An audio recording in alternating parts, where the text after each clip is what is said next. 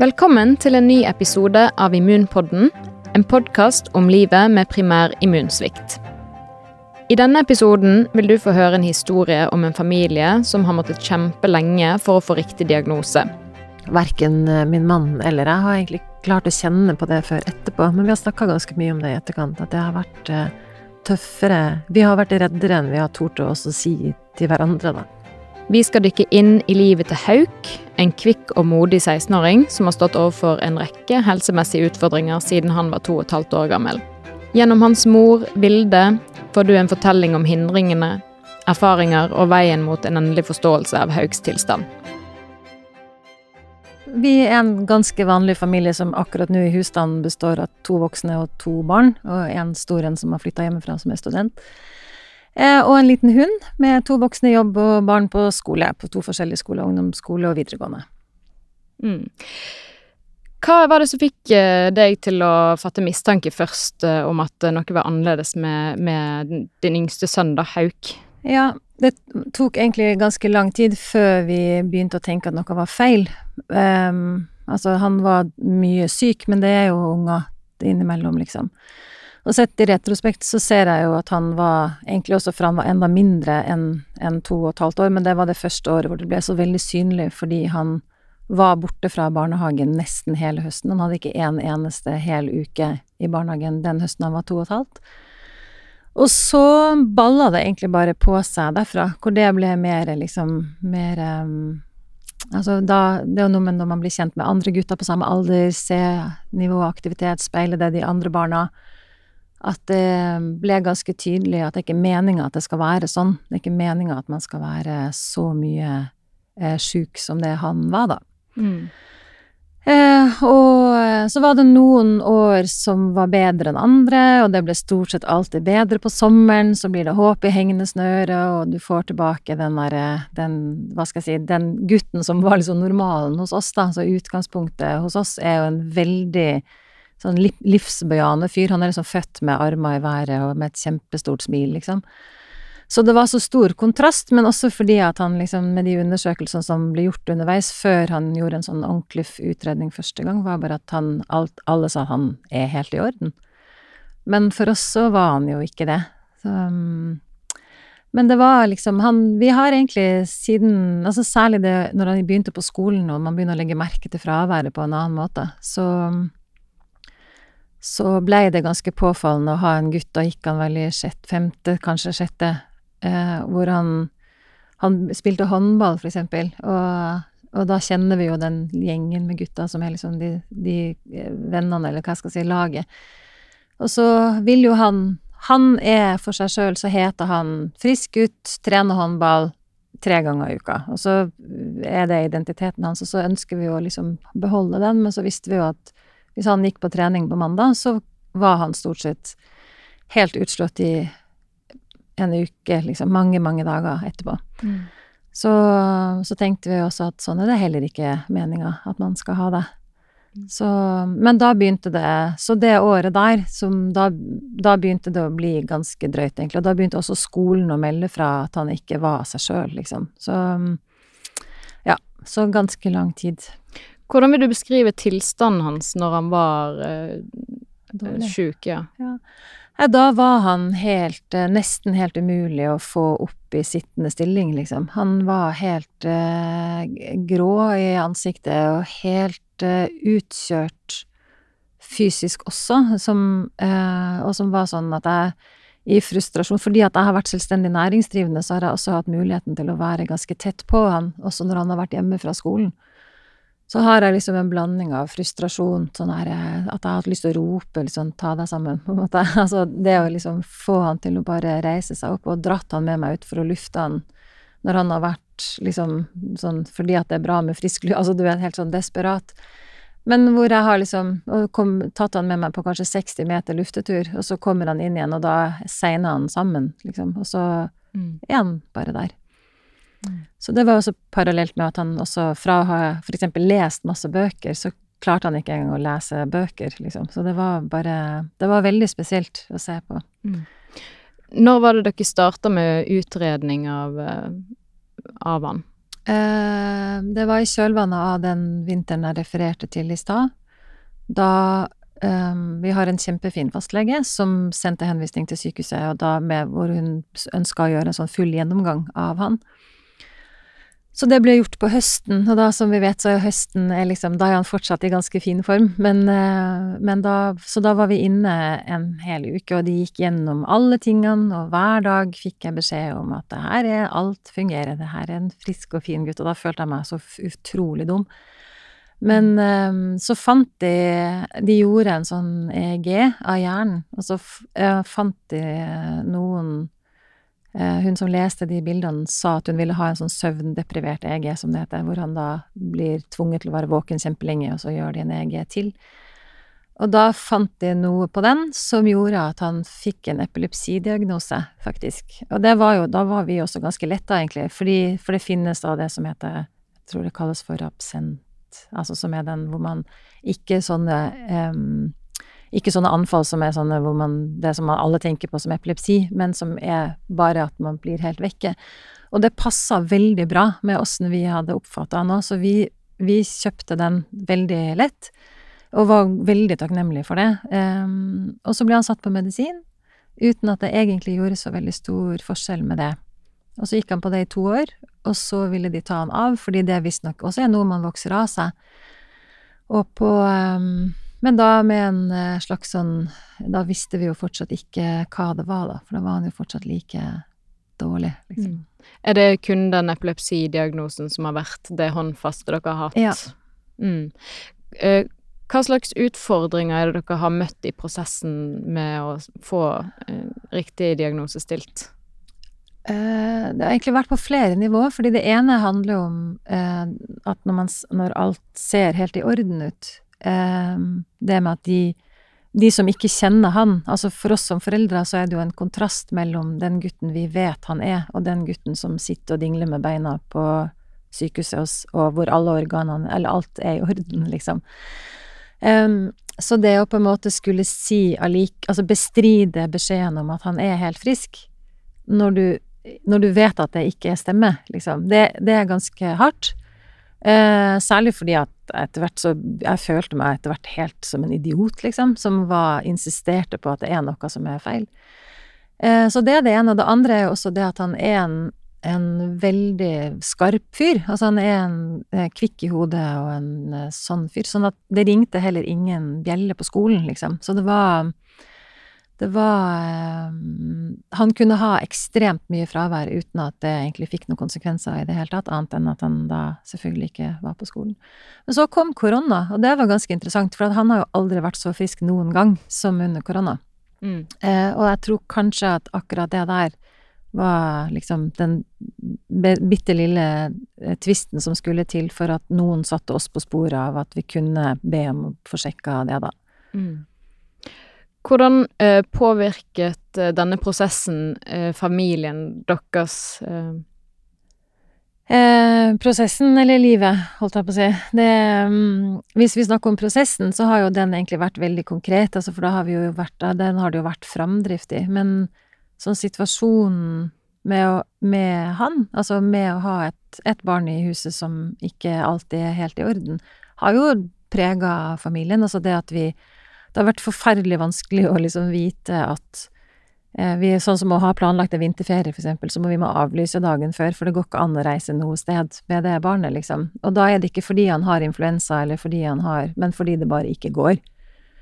Eh, og at vi har eh, eh Det blir eh, Det å bygge et liv rundt, eller, eller en hverdag, da, eh, rundt et barn sånn som det, med en familie som har flere barn, uten at noen skal oppfatte verken at han skal bære ansvaret for alt vi har måttet Eller alt som eventuelt har måttet Som de andre to har måttet, hva skal jeg si, ta og forholde seg til, da. At han skal slippe å bære det ansvaret, og de skal slippe å tenke at han står i veien for, for det, liksom. Eh, så det er jo en, hva skal jeg si, det har vært en slags sånn Vi har gjort det ganske enkelt for oss sjøl, da, med å set, prøve å unngå å sette oss i situasjoner hvor, uh, hvor, vi må gjøre det. Altså hvor han må tenke at vi må gjøre ting på grunn av han, eller, eller at de andre har måttet tenke at han er i veien, liksom.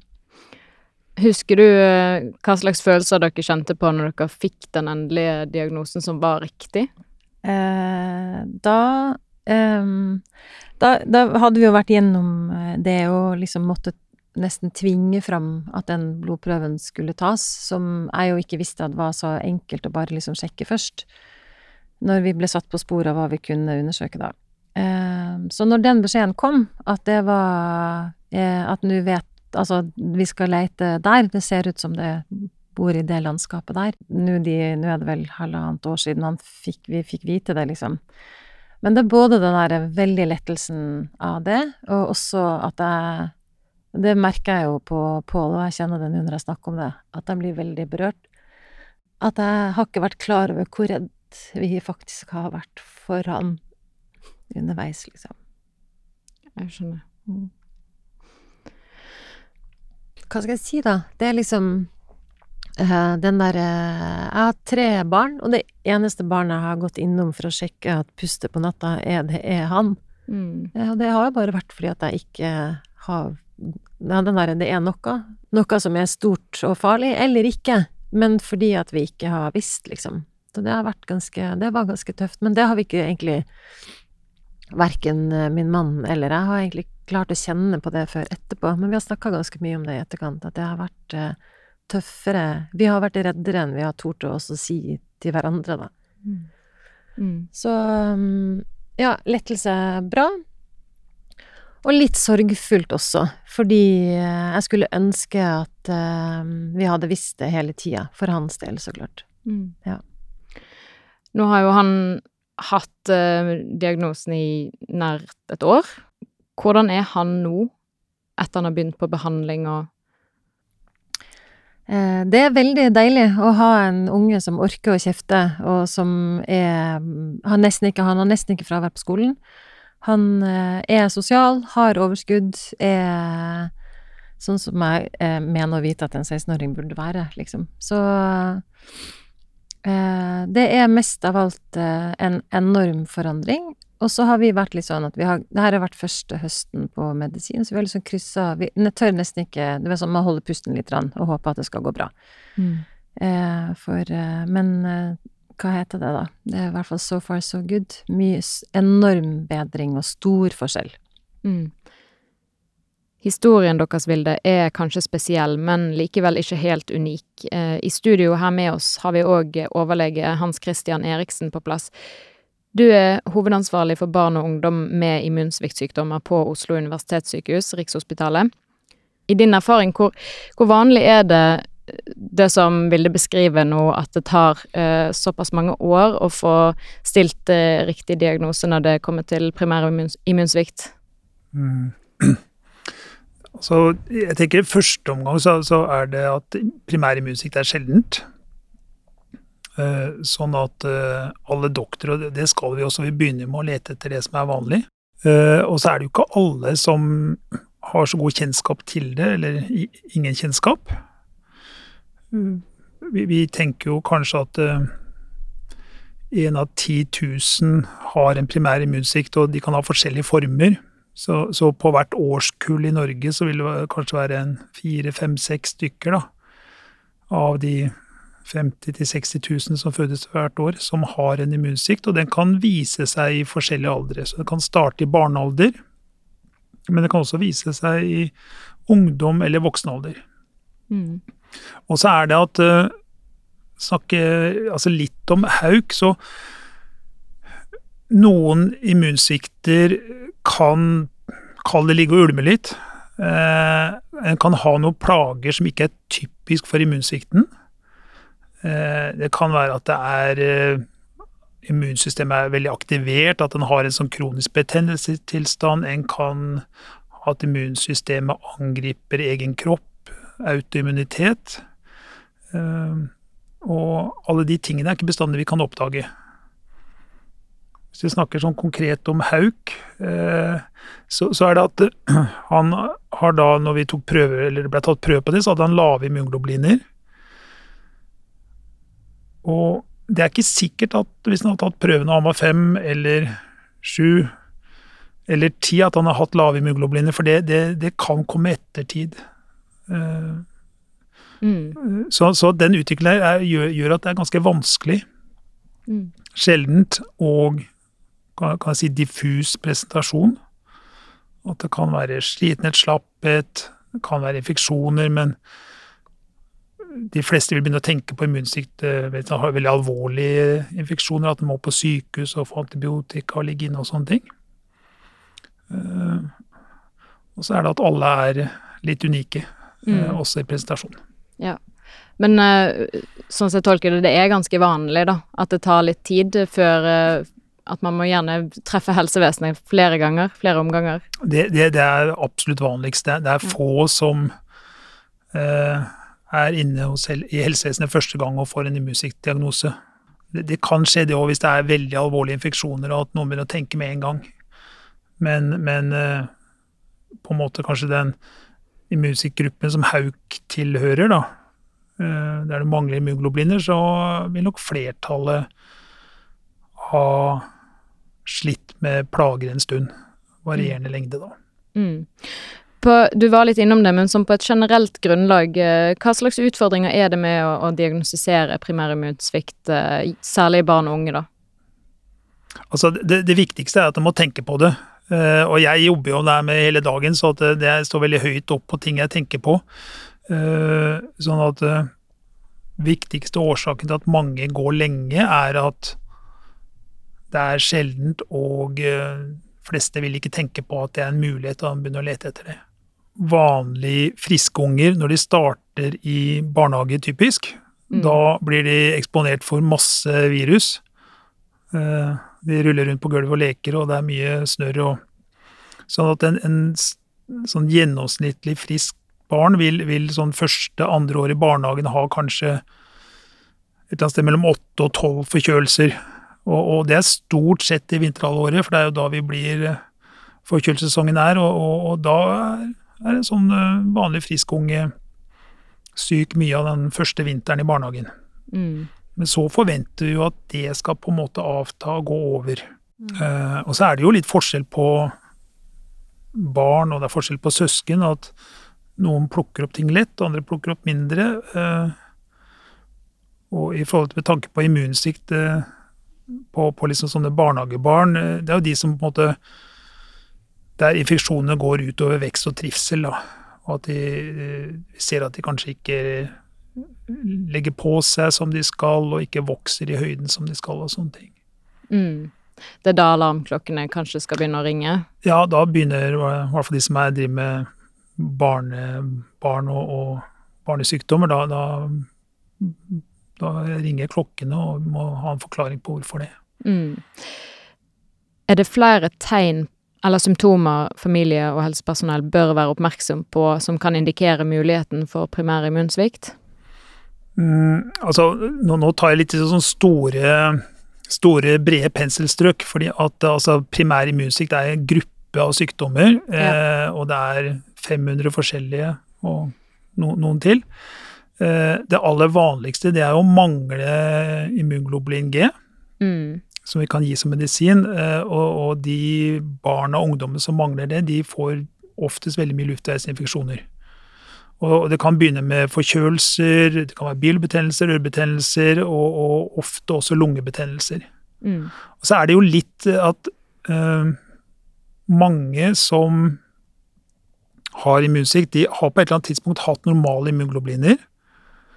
Og så kan det gradvis avta produksjon, og, og da kan det bli sånn gradvis overgang fra noe vi tenker er egentlig vanlig, altså være mye syk vanlig, men de skal liksom modnes i immunsystemet sitt, til at det går over til å bli uvanlig. Mm. Og akkurat den overgangen kan være vanskelig å ta. Og så går det oftest gradvis, og det kan være vanskelig for foreldre også å se at en kan tenke tilbake i to år, ja, det var helt annerledes, eller hvis man har søsken eh, som er helt annerledes, eller venner som er helt annerledes. Eh, Men noen ganger så er det foreldre også som sier at det har gått så gradvis, eh, blitt hanglete, blitt mer sliten. Jeg tenkte han bare er forkjøla hele tida, så jeg har egentlig ikke reagert på det. Mm. Eh, Hvordan kan en familie best forberede seg før de besøker helsepersonell for å diskutere muligheten eh, for immunsvikt? Ja, da liker jeg Jeg liker at familien er godt forberedt, egentlig. Eh, jeg, jeg, det som jeg typisk spør om, er jo da særlig infeksjoner. Hvor ofte det har vært, om en har fått behandling, har vært til fastlege eller vært på sykehus. Eh, så jeg prøver å få mest mulig detaljer. Mm, og så er det, spør jeg også om det har vært andre ting som man ofte kan se med de som har immunsvikt, at de kan ha hudutslett, de kan ha vondt i ledd, de kan ha vondt i mage-tarm. Eh, det kan være i form av diaré, at den ikke går opp i vekt, det blir veldig tynn. Eh, så, sånn at en sånn typisk sånn førstesamtale om immunsvikt, det, det, tar ganske lang tid. Da bruker vi ofte en sånn halvtime, tre kvarter og bare å prate. Mm. Og går igjennom hvordan det har vært egentlig fra fødsel og mm. førskoletid, skoletid. Og så spør vi om han har vært på sykehus og fått mye antibiotika og sånt. Mm. Hauk han har hatt diagnosen primærimmunsvikt immunsvikt i ca. et år nå. Tilstanden hans er mye bedre etter at han har starta behandling. Men eh, familien eh, har kanskje fortsatt mange spørsmål knytta til den nye hverdagen. Derfor har jeg invitert begge dere to eh, inn i studio i dag for en liten prat om hvordan fremtiden til en med diagnosen primær immunsvikt kan se ut. Vilde, hva slags visjoner og planer er det Hauk har for uh, fremtiden? akkurat nå så, eh, så um, Akkurat nå hans eneste plan er å bli rik. Um, det Ja. Nei, men det, det, Jeg tror at uh, å tenke så veldig langt på, på, han, har egentlig Det har jeg veldig lite trening i, må jeg innrømme, fordi um, Fordi det, rett og slett. Uh, mm. Men Og for hans del jeg tror jo at så lenge nå Altså, det å Vi fikk han gjennom ungdomsskolen uten at han mista motet. Han går på videregående nå og gjør det helt greit. Eh, og har det, som jeg kan se, veldig bra i livet sitt, som er det viktigste av alt. Eh, og hva framtida hans eh, bringer, jeg vet ikke. For at jeg vet ikke jeg, Det jeg vet, er at han skal fortsette med det her resten av livet sitt, og jeg vet ikke hvordan det mm. kommer til å se ut. Og så er jeg veldig glad for det du sa, Hans Christian, i stad, det med at både det med at ting kan liksom komme litt snikende, og at man som foreldre Altså nettopp det med hva som er vanlig i, hos barn, for det er liksom alt fra liksom hudutslett og ting og sopp og alt som man fra man er baby og framover, og ørten ganger med infeksjoner og sånn. Eh, som er alt, så det er den samtalen som, som du refererer til, som er så grundig og god. Men så, så kjenner, For det er en ting som jeg lurer så veldig på i Eller ikke lurer på, men som gnager meg litt, der, for jeg har, jeg, har, ikke dårlig samvittighet som mor, jeg har ikke det. Men, men jeg tenker allikevel at med alle de tingene som vi har visst om han siden han var baby, altså alt fra liksom hvordan tarmsystemet hans har vært helt på jordet, eh, hvordan han har hatt mange flere infeksjoner enn de andre Altså, når begynner puslespillet, og liksom Når burde, jeg sjøl, eller noen, ha liksom begynt å se at kanskje at fordi når vi kom til når vi kom dit at vi eh, ønska å ta den blodprøven, så var jo responsen vi trenger ikke å leite etter immunsvikt fordi det er helt søkt. Og det er jo også en utfordring når Altså kan man jo si at det betyr jo bare én ting, og det er jo at den, den, legen kjenner jo ikke hele historien hans, men hvis hun hadde gjort det, eller den, hvis legen hadde gjort det, så ville kanskje nettopp da de brikkene da ville de kanskje ha ut, altså tegna et slags bilde da, som gjorde at det var lettere å finne det fortere? Jeg vet ikke. Mm. For jeg skjønner jo at det er, som du sier med sjelden, at det er helt søkt å skulle liksom eh, kaste immunsvikt opp med en gang. Det, det, forstår jo jeg også. Ja, altså, det, det, er vanskelig. Eh, jeg ja. tror jeg må bare si at det er vanskelig. Ja. Eh, fordi at eh, Klart, når, når, du får presentert alt som en sånn litt stor pakke, med alle detaljer, så for en som, som, som meg som jobber med det, så, så, er det mye lettere å tenke på det. Mm. Eh, hvis jeg tenker på en måte hvordan hverdagen er på legekontor, eh, legevakt eller fastlege, eh, så er det ofte at en, en liksom fokuserer på ett problem mm. og tenker på det, og, og, en har egentlig ikke den tiden til å få hele den fulle historien. Burde man ha den? Eh, noen ganger ja. Eh, og vanligst er det jo at det er det ene problemet. Ja. Og det er liksom litt av, litt av kjernen her, er at eh, har en en sjelden sykdom, så syng, altså har du lavere mulighet for å bli oppdaga raskt enn om du har en veldig vanlig sykdom, fordi at det bare, en tenker på det vanligste først. Ja. I, I forhold til deg som mamma og, og pappa, da, så så tenker jeg at det egentlig ikke hadde vært så naturlig, i hvert fall eh, det du har beskrevet opp gjennom at du det første skulle tenkt på var immunsvikt. Fordi, fordi at Hauk har ikke hatt noe sånn typisk eh, prestasjon for det liksom han har i dag. Uh, og så sa jeg at alle er unike, Mm. Uh, og, og liksom i den gruppen som Hauk er, altså den immunsviktgruppen, så, så er det jo en del som, som hopper, eh, holdt jeg på å si, fra legespesialitet til legespesialitet, fordi at de har problemer i forskjellig Det kan være utslett, de kan ha vondt i ledd, de kan ha vondt i mage, eh, de kan ha problemer med luftveiene. eh, Og så trenger da en da at liksom noen får den tiden og tenker tanken, Mm. og ser på det hele bildet. Men sånn som hvis man ser for seg livet, da, eller eh, sånn eh, framover eh, Jeg kan jo ikke spå, det kan jo ikke du heller, vet jeg. Eh, men det blir jo ikke borte, liksom. Det gjør du ikke. Og hva, hva ser vi på, liksom? Hva ser vi på? Nei, altså akkurat det å erstatte immunglobuliner eh, og gi sånne eh, IGG-immunglobuliner, det, det får en til resten av livet. Mm. Og det er mange måter å gjøre det på, og så bruker han den måten som passer best i livssituasjonen, som forsøker litt forskjellig. Mm. Og den er ukomplisert. Eh, og så er det da Hos noen så blir det andre problemer. Vanskelig å si på forhånd, og det, jeg kan ikke spå. Det der med, at, med andre ting, liksom. For at hva er det som er farlig med de andre tingene, hvis du skjønner? Altså, Eh, det, det aller meste kan vi behandle. ja. Eh, livet blir mye bedre hvis vi ser det som et eh, ledd i immunsvikttilstanden. Mm. Eh, det, det som eh, på en måte gjør meg mest trist, er jo hvis noen går og sliter med ting som vi kan behandle. ja. at vi ikke får vite om det. og at da på en måte får mye mer nedsatt livskvalitet enn de burde. Mm. Ja, Men te, betyr det også da at man eh, potensielt kan se på at, eh, La oss si eksempel at noe er litt sånn på halvtolv, da, men som er en normaltilstand i en familie eller, eller hos et barn.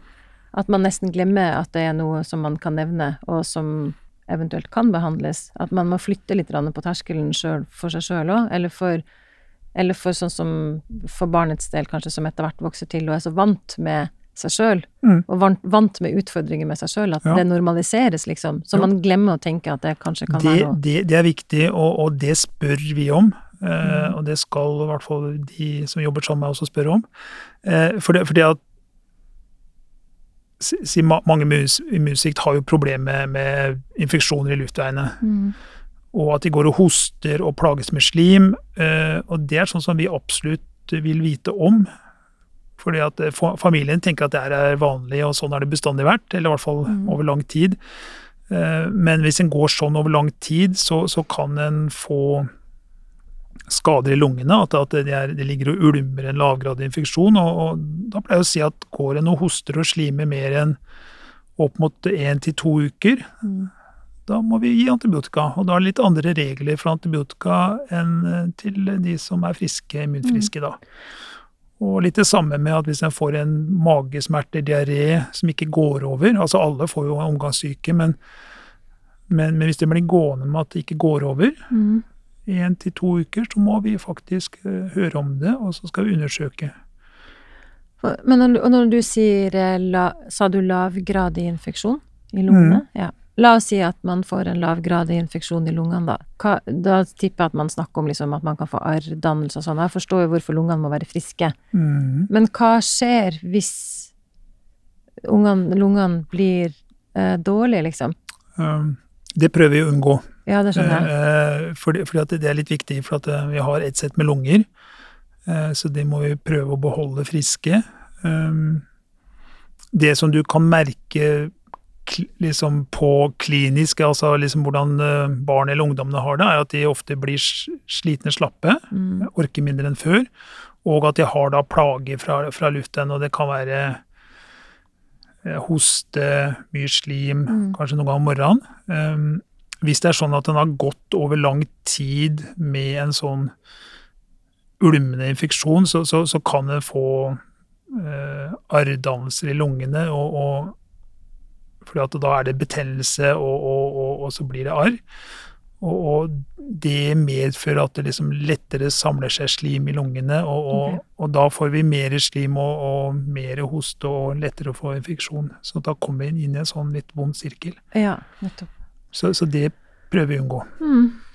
Men sånn som eh, La oss si at man skulle få lyst til å være eh, dra på utveksling, da, eller dra og studere i USA, for eksempel. Em, eh, så er det noe med som forelder, da, å ha den samtalen med noen som skal drive og er medisinsk myndig og skal administrere livet sitt sjøl. Eh, kan man reise med kofferten full av immunglobuliner til USA for å være på utveksling? Eller skal man ikke dra på utveksling når man har primær immunsvikt?